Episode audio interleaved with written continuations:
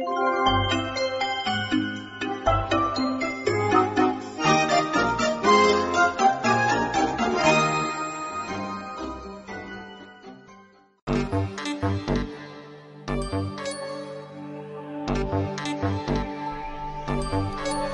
cada any, en Max passava les vacances al poble.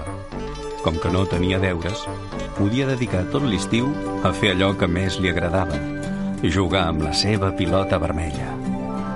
Una tarda, far de jugar tot sol, en Max va decidir preguntar al seu pare si volia jugar amb ell. Pare, em xutes uns quants penals. No, Max, no puc. Estic molt enfeinat, va contestar el pare. I no pots deixar-ho per demà? Va insistir. No, Max, s'ha d'acabar la feina. Primer arreglaré la taulada i després et marcaré uns quants gols. Sembla mentida. Que no saps la història dels tres porquets. Quins tres porquets? Va preguntar en Max amb molta curiositat. Ja veig que no la saps.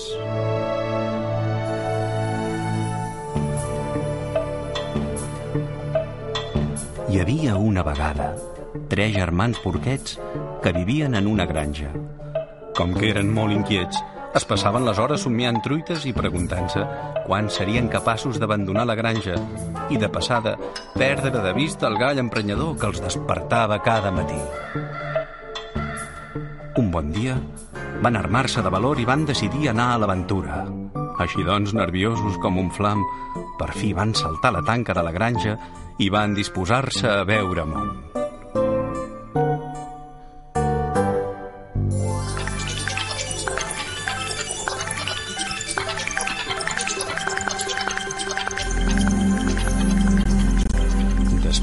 Caminar i caminar i de visitar les ciutats més importants del món, els tres porquets van arribar als afores del poble més maco que havien vist mai.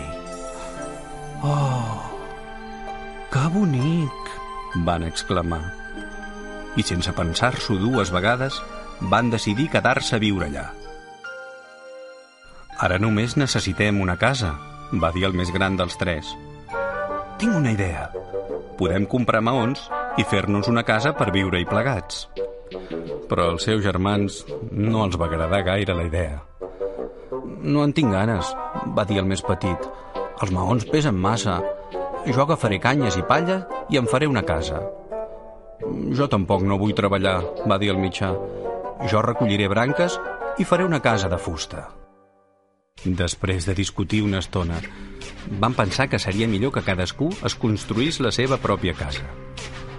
El més petit dels tres va agafar palla d'un paller i en un moment van llestir una petita caseta de palla.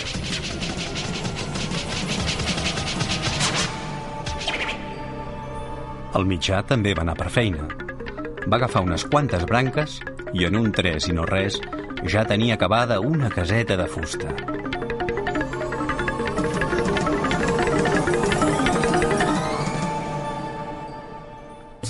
En canvi, el més gran va posar-se a treballar de valent. No parava de portar totxos amunt i avall i de mica en mica van aixecant una casa molt sòlida, amb un sostre ben resistent, capaç d'aguantar pluja i neu. Suava la cancel·lada, però no va parar de pencar mentre els seus germans jugaven a voleibol.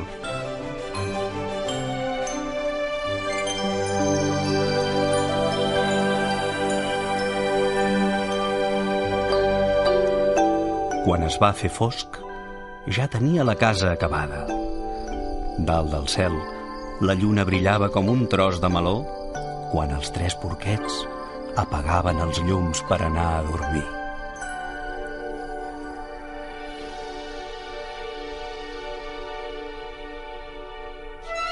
De cop, un udol terrible va trencar el silenci.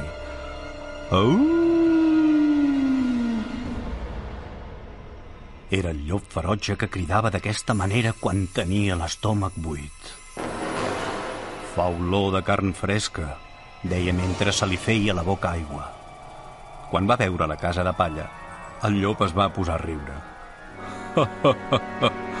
Bufaré i la casa volarà.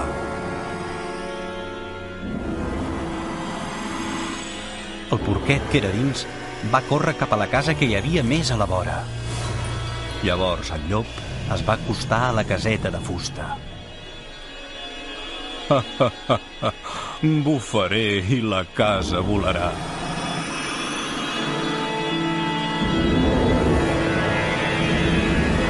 I els dos espantats porquets van córrer a refugiar-se a la casa del seu germà gran. El llop no va rendir-se i va arribar fins a la tercera casa. Bufaré i la casa volarà. El llop va bufar amb totes les seves forces, però la casa no es va moure ni una mica. Ho va intentar per segona vegada. Va bufar tan fort que va deixar els arbres pelats i va fer desaparèixer la lluna. Però la casa no va ni tremolar.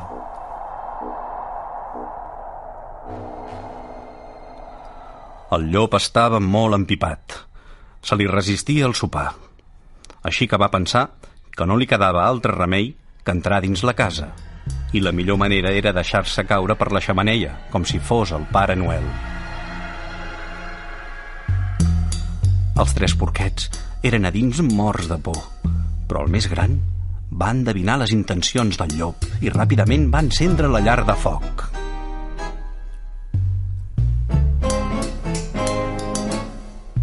No va fallar. Al cap d'un moment, el llop va caure a les flames i es va cremar el cul. El crit que va fer va ser tan fort que fins i tot va despertar un lleó que dormia a l'Àfrica. I amb la cua fumejant com la metxa d'un petard, va sortir disparat per la xamaneia i cap dels tres porquets el va tornar a veure mai més.